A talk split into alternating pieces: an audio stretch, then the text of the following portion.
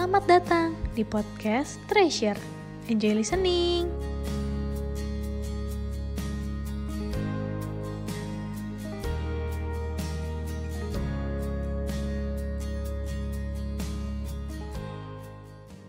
Shalom teman-teman youth yang dikasihi Tuhan Yesus. Kembali lagi di podcast Treasure. Sebelumnya, thank you banget buat teman-teman yang selalu setia dengar podcast Treasure. Artinya, teman-teman rindu untuk terus belajar firman Tuhan. Jadi, biarlah ketika teman-teman klik dan dengar setiap podcast yang ada sampai habis, teman-teman mendapatkan kekuatan yang baru dan kita mau sama-sama belajar kebenaran firman Tuhan dan belajar untuk praktek. Sebelum kita lebih lanjut, kita mau berdoa dulu yuk. Ya Bapak yang baik, terima kasih untuk kesempatan hari ini. Kami bersyukur untuk setiap kebaikan Tuhan dalam kehidupan kami ya Bapak. Kalau kami ada sampai hari ini itu semua karena anugerah Tuhan, bukan karena kekuatan kami. Ya Bapak, kalau sebentar kami mau belajar kebenaran firman Tuhan, kami mau buka hati kami, kami mau buka pikiran kami, kami mau, mau membuka telinga kami untuk menerima kebenaran firman-Mu. Ajar kami ya Bapak untuk terus mengerti apa yang jadi maunya Tuhan dalam kehidupan kami. Biarlah ada sesuatu kekuatan yang baru yang mau Tuhan ingetin bagi setiap kami anak-anak mudamu ya Bapak. Terima kasih ya Tuhan, hanya dalam namamu Tuhan Yesus, kami sudah berdoa dan bersyukur. Haleluya, amin. Oke teman-teman, masih dengan tema yang sama dengan sebelumnya, kita masih belajar tentang menjadikan Yesus sebagai pusat kehidupan. Dunia ini banyak orang menganggap bahwa pusat kehidupan manusia itu tuh ada di dalam dirinya sendiri Jadinya banyak orang yang menganggap gak perlu lagi tuh mengenal Tuhan. Gitu ya. Berpikir bahwa yang menentukan hidup itu ya diri saya sendiri. Gitu saya mau melakukan apa pun ya saya yang nentuin. Nah, ada juga orang-orang yang menganggap bahwa sesuatu yang ia dapatkan yang diperoleh atau yang ia miliki ya seperti harta benda, kedudukan, itu tuh yang jadi pusat dalam hidupnya ya. Bagaimana saya akan dipandang kalau kedudukan saya tuh cuma jadi orang biasa? Gimana saya bisa hidup kalau nggak ada atau saya tidak menghasilkan uang gitu ya? Gimana saya bisa bahagia kalau uh, saya tuh hidup cuma sendirian gitu. Nah ada juga orang-orang yang memusatkan dirinya dengan melihat orang lain teman-teman. Melihat cara hidupnya orang lain melihat gaya hidupnya orang lain gitu ya dengan ngeliat-ngeliat medsos gitu ya lihat orang hidupnya kok kelihatannya enak ya gitu. Ngelihat orang kok kayaknya oh ini cewek cantik banget nih gitu ya. Aku juga harus bisa nih kayak dia. Oh dia bisa sukses karena dia nih melakukan ini nih oh saya juga harus kayak gitu juga gitu ya nah teman-teman kita perlu sadari orang-orang yang seperti ini tidak akan atau sulit memandang bahwa Tuhan itu tuh adalah yang menjadi pusat kehidupan. Tidak melihat bahwa sebenarnya Tuhan yang berkehendak atas hidupnya. Menjadikan Yesus pusat kehidupan artinya yang jadi fokus utama atau yang jadi sumber segala sesuatu dalam kehidupan kita, termasuk kebahagiaan, termasuk kesenangan, termasuk kepuasan kita, adalah dari Tuhan Yesus. Nah, teman-teman, hari ini kita mau sama-sama belajar bagaimana sih kita memusatkan kebahagiaan, kesenangan kita tuh hanya sama Tuhan. Nah, pertanyaannya nih buat kita teman-teman. Apa sih yang bikin kita bahagia, seneng sampai saat ini? Kita tuh akan merasa puas kalau kita dapetin apa sih? Kalau kita melakukan apa sih? Contohnya, bahagia kalau punya pacar nih, ada yang nemenin, ada yang merhatiin. Tapi kalau lagi sendiri rasanya tuh sedih gitu ya. Rasanya tuh ada yang kosong gitu. Nah, coba nih teman-teman, eh, kita koreksi ya. Kalau kita merasa uh, masih seperti itu, berarti tuh ada yang gak beres teman-teman dalam diri kita. Ya, contohnya lagi nih. Bahagia tuh kalau di umur 20-an ya, udah punya penghasilan sendiri. Bisa beli ini itu yang uh, kita pengen, jadi gampang gitu ya. Bahagia kalau dikenal atau dihormatin sama orang banyak. Akan puas kalau apa yang dikerjain tuh dapet puji-pujian dari orang. Tapi kalau ada orang lain yang dipuji-puji, kita nggak seneng tuh puas kalau bisa dianggap lebih baik, lebih unggul, atau bahkan lebih rohani dari orang, orang lain. Nah, apakah kebahagiaan kita masih kebahagiaan yang seperti itu? Coba teman-teman yang jawab sendiri ya. Nah, teman-teman, orang-orang yang seperti itu adalah orang-orang yang sombong dan tidak mengalami kebahagiaan yang sesungguhnya dan tidak akan mengalami kebahagiaan yang sejati. Karena semuanya itu tuh hal-hal yang sementara ya. Otomatis kebahagiaannya pun, kepuasannya pun sementara. Emang salah ya kita punya pacar? Emang salah ya kalau kita dapat pujian dari orang? Emang salah ya kalau aku punya tabungan banyak? Gak salah teman-teman ya. Tapi masalahnya adalah kalau kita melihat itu semua jadi sumber bahagianya kita, ini yang jadi bahaya. Nah, aku teringat juga nih ya teman-teman sama kesaksian di segmen Heart to Heart dari teman kita Kanuel. Di situ uh, dia cerita gimana dia berusaha cari kebahagiaan dari luar sana. Cari apa nih ya yang bikin gue seneng lewat dia ngerokok, lewat dia ngedrugs gitu yang dia pikir ya itu tuh bisa bikin dia bahagia, yang bisa bikin dia seneng bisa ngelepasin stres. Nah, tapi nyatanya yang dia rasakan adalah semua itu tuh malah bikin dia depresi. Ya bahagianya ya cuma di saat itu doang gitu. Malahan lama-kelamaan jadi bikin dia kecanduan dan dia jadi susah untuk bebas.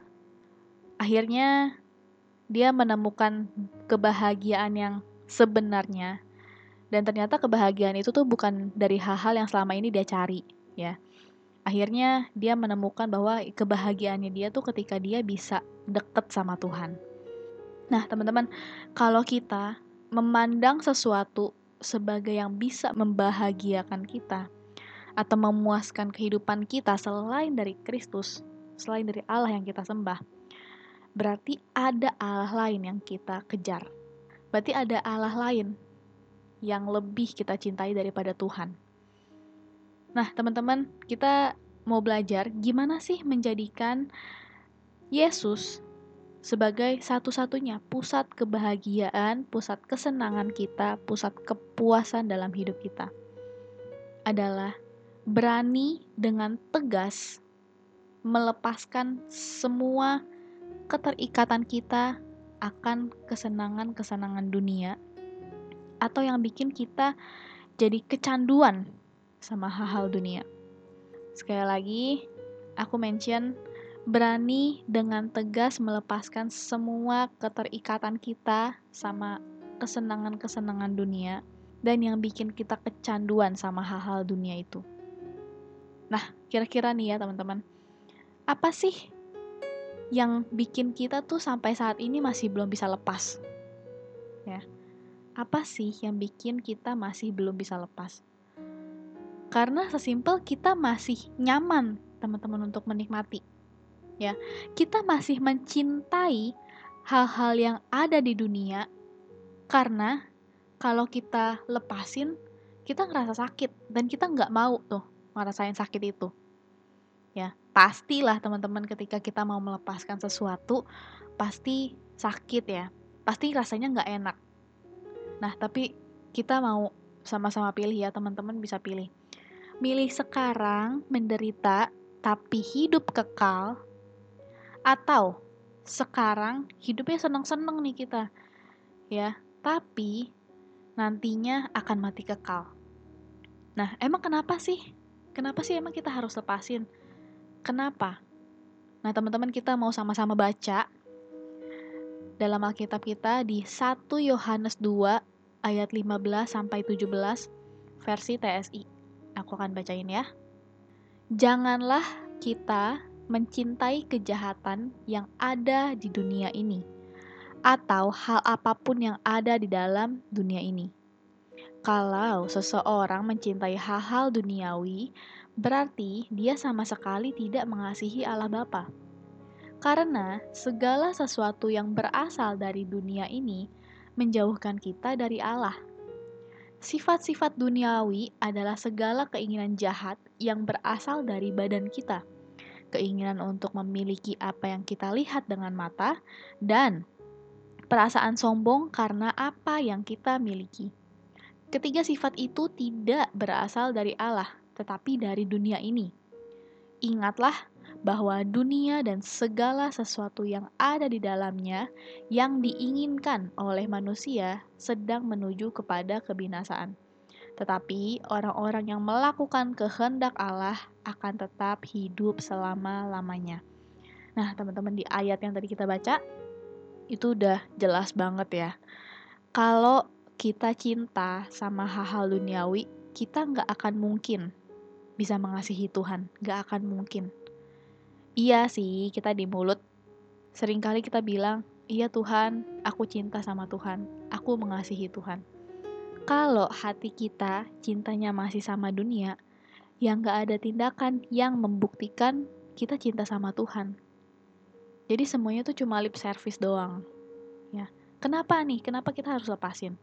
Di ayat tadi di ayat 16 bilang segala sesuatu yang berasal dari dunia ini menjauhkan kita dari Allah, teman-teman. Dunia dan segala sesuatu yang ada dalamnya akan binasa. Artinya nggak ada yang abadi. Semuanya akan hilang. Ya, kita pun jadi tidak akan hidup kekal bersama Bapa. Kalau kita tahu nih ya teman-teman, kesenangan-kesenangan dunia itu semua akan binasa bisa bikin kita jauh dari Tuhan. Tapi kita masih mencintai dan menikmati dosa itu, kita masih mencintai hal-hal dunia. Firman Tuhan sekeras apa pun yang kita dengar, yang datang ke kita, firman Tuhan itu tuh nggak akan hidup. Kalaupun ngena, yang nggak ada tindakan sama sekali, gitu ya. Karena ya apa? Kita masih cinta, gitu ya. Kita masih nikmat untuk menikmati hal-hal dunia itu. Nah, terkadang juga nih teman-teman, uh, kita masih beralasan, iya nih masih dalam proses kok, gitu ya. Nah, tapi kamu proses ada progres gak? Ya, kadang kita masih bersembunyi di balik kata proses. Proses, tapi nggak ada progres, ya bohong teman-teman. Kita sering dengar ya kata-kata itu, proses tanpa progres itu tuh bohong gitu. Yang gak akan ada yang berubah. Kalau waktu kita semuanya habis buat main game cuma buat buka-buka sosmed gitu ya sampai kita uh, meninggalkan apa yang jadi prioritas kita kita marah-marah kalau dinasihatin artinya kita masih memusatkan kesenangan-kesenangan kita pribadi. Kalau kita masih suka menunda-nunda waktu untuk mulai saat teduh. Iya, mulai minggu depan deh aku mulai konsisten saat teduh. Mulai minggu depan deh aku mulai ambil waktu untuk doa pagi. Nah, begitu juga tuh kalau kita mau bertobat. Masa iya sih kita bertobat itu tuh tunggu orang tahu dulu apa dosa kita baru mau bertobat. Jangan berpikir masih ada hari esok, masih muda nih aku nikmatin dulu aja lah gitu ya. Teman-teman umur gak ada yang tahu. Jangan sampai ketika kita dipanggil Tuhan kita masih dalam melakukan dosa. Jangan beralasan ini kan kesenangan aku aku berhak dong lakuin gitu ya. Yang padahal kita tahu itu tuh semakin bikin kita tuh jatuh lebih dalam. Semakin bikin kita tuh jauh dari Tuhan bangkitnya pun juga jadi susah teman-teman ibaratnya nih ya uh, ada lobang terus kita jatuh terus tuh di lobang yang sama gitu ya ya lobangnya tuh makin dalam teman-teman makin dalam makin dalam jadi makin susah untuk kita bisa naik. Kita perlu sadari juga teman-teman, Tuhan itu tuh bisa kasih kita kebahagiaan, bukan dari dunia doang. Bahkan kebahagiaan yang Tuhan kasih itu adalah kebahagiaan yang sejati.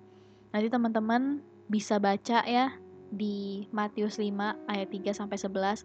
Di situ isinya adalah ucapan bahagia ya, sabda bahagia. Jadi bahagia yang dikasih Tuhan itu tuh memang beda banget teman-teman sama apa yang dikasih dunia. Tapi ini tuh kebahagiaan yang sejati gitu yang dari Tuhan. Kalau kita memandang Tuhan sebagai pusat kebahagiaan kita, memandang bahwa Tuhan adalah sumber kepuasan dalam kehidupan kita, kita gak akan keberatan teman-teman untuk bangun pagi, untuk berdoa, untuk kita menyediakan waktu untuk kita saat teduh. Karena kita merasa akan dipuaskan gitu ketika menerima kebenaran firman Tuhan. Kita nggak akan keberatan kalau kita tuh milih untuk ikut ibadah, milih untuk ikut komsel, milih untuk ikut pemuritan daripada uh, jalan nongkrong sama teman-teman gitu ya sama keluarga. Mungkin kita ada terpikir, ya masa iya sih gue nggak boleh gitu ya mau jalan-jalan sama keluarga masa iya sih nggak boleh nongkrong sama temen. Secara weekend butuh refreshing. Masa iya sih sibuknya sama gereja mulu. Stop punya pikiran yang kayak gitu. Itu tuh tipuan-tipuannya iblis. Ya yang bikin kita semakin jauh dari Tuhan. Kalau kita terus menerus ikutin segala tipuan-tipuannya si iblis itu iblis makin seneng teman-teman. Belajar yuk menghormati Tuhan lewat setiap persekutuan yang ada, baik dari persekutuan pribadi kita juga dengan sepenuh hati kita. Orang yang memusatkan kebahagiaannya sama Tuhan Yesus, mungkin juga nih makin jadi gak banyak temen yang kita dapetin di luar sana. Dibilang, ah lu gak asik ah, gak mau ikutan. Karena kita lebih memilih untuk ada di dalam persekutuan, ya. Tapi ketika kita ketemu sama orang-orang di komunitas yang satu nilai, yang satu roh, yang satu frekuensi, kita akan jauh lebih bahagia. Nah, kita juga membuka nih teman-teman di Lukas 11 ayat 28 di versi terjemahan baru, aku bacain ya. Tetapi ia berkata, yang berbahagia ialah mereka yang mendengarkan firman Allah dan memeliharanya. Sekali lagi ya, tetapi ia berkata, yang berbahagia ialah mereka yang mendengarkan firman Allah dan yang memeliharanya. Di situ kalau teman-teman lihat judul perikopnya itu adalah siapa yang berbahagia. Tuhan Yesus bilang teman-teman, orang yang berbahagia itu bukan orang yang mendapatkan segalanya di dunia, bukan dia yang mendapatkan uang banyak, keluarga yang lengkap, keluarga yang harmonis, pergaulan yang solid, jabatan yang tinggi, bisa dikenal sama orang banyak, nggak yang kayak gitu. Tapi di situ bilang, orang yang mendengarkan, menerima firman Tuhan dan memeliharanya, dialah orang yang berbahagia. Memelihara artinya melakukan ya teman-teman di dalam kehidupan sehari-hari. Gimana kita bisa menjadi berkat, gimana kita bisa menjadi teladan untuk orang-orang di rumah, untuk teman-teman di sekolah, untuk teman-teman di lingkungan kerja. Gimana kita melakukan kebaikan itu tuh bukan untuk dilihat orang, ya, bukan untuk kita bisa memegahkan diri kita. Oh ya nih, gue terlihat baik, gak kayak gitu.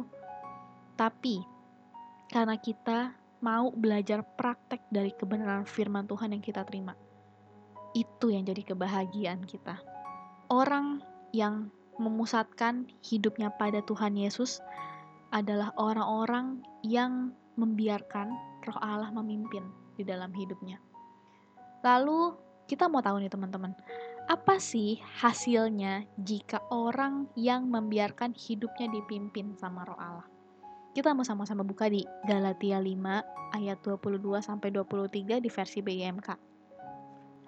Sebaliknya, kalau orang-orang dipimpin oleh Roh Allah, hasilnya ialah mereka saling mengasihi, mereka gembira, mereka mempunyai ketenangan hati, mereka sabar dan berbudi, mereka baik terhadap orang lain, mereka setia, mereka rendah hati, dan selalu sanggup menguasai diri. Tidak ada hukum agama yang melarang hal-hal seperti itu. Hasilnya indah banget kan teman-teman ketika kita bisa saling mengasihi satu sama lain. Ketika kita selalu punya ketenangan hati, kita punya kerendahan hati. Itu tuh hal-hal yang indah, teman-teman. So, kita perlu untuk terus minta roh Allah sebagai penolong kita yang memimpin hidup kita untuk kita bisa memusatkan kebahagiaan kita hanya pada Tuhan Yesus. Satu-satunya Allah yang kita sembah. Apa pun keadaan kita teman-teman, baik buruknya saat ini, ya sekalipun kita nggak ngedapetin kebahagiaan yang ada di dunia, tapi kita tetap berbahagia di dalam Tuhan karena dialah yang jadi pusat segalanya. Dialah yang jadi sumber segalanya dalam hidup kita. Gambarannya teman-teman ya, seperti pohon anggur. Kan pasti hasilnya kan buahnya juga pohon anggur ya, bukan buah bukan buah-buah yang lain gitu kan ya sumbernya cuma satu. Gitu. Nah, begitu juga dalam kehidupan kita. Ketika kita hidupnya bersumber dari Tuhan, sumber hidup kita adalah Tuhan Yesus. Apa yang kita pikirin, apa yang kita perkatakan, dan tindakan kita, semuanya itu tentang Tuhan. Gak ada lagi bagian tentang diri kita sendiri. Gak ada lagi nih tentang aku, aku. Itu gak ada lagi teman-teman. Semua hasilnya adalah tentang Tuhan.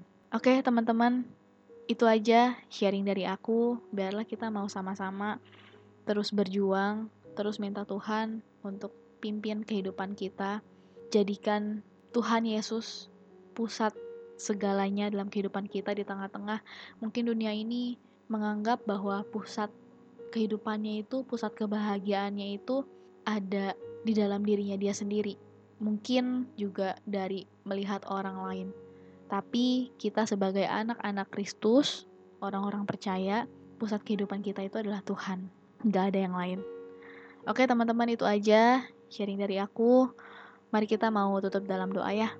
Ya Bapak, terima kasih untuk firman Tuhan yang udah Tuhan sampaikan kepada kami. Kami bersyukur kalau hari ini kami diingetin lagi untuk memusatkan kebahagiaan, kesenangan, dan kepuasan kami hanya di dalam Engkau, Tuhan. Ajar kami ya Tuhan, untuk memfokuskan hidup kami hanya sama Tuhan, bukan dengan yang lain. Biarlah hidup kami, kesenangan kami adalah melakukan kebenaran firman Tuhan. Biarlah Tuhan yang jamah setiap hati kami ya Bapa. Ampuni kami ketika kami masih senang untuk melakukan hal-hal duniawi. Ampuni kami ketika kami masih senang Tuhan untuk melakukan dosa dan kami masih cinta, kami masih menikmati. Ampuni kami ya Bapa. Ajar kami, pimpin kami ya Bapa untuk melepaskan segala kesenangan-kesenangan yang ada di dunia ini. Terima kasih ya Bapa, terima kasih ya Roh Kudus. Kami percaya Tuhan yang sangat mengasihi kami. Apa pun keadaan kami, ajar kami ya Bapa untuk terus menaruh kebahagiaan kami sama Tuhan.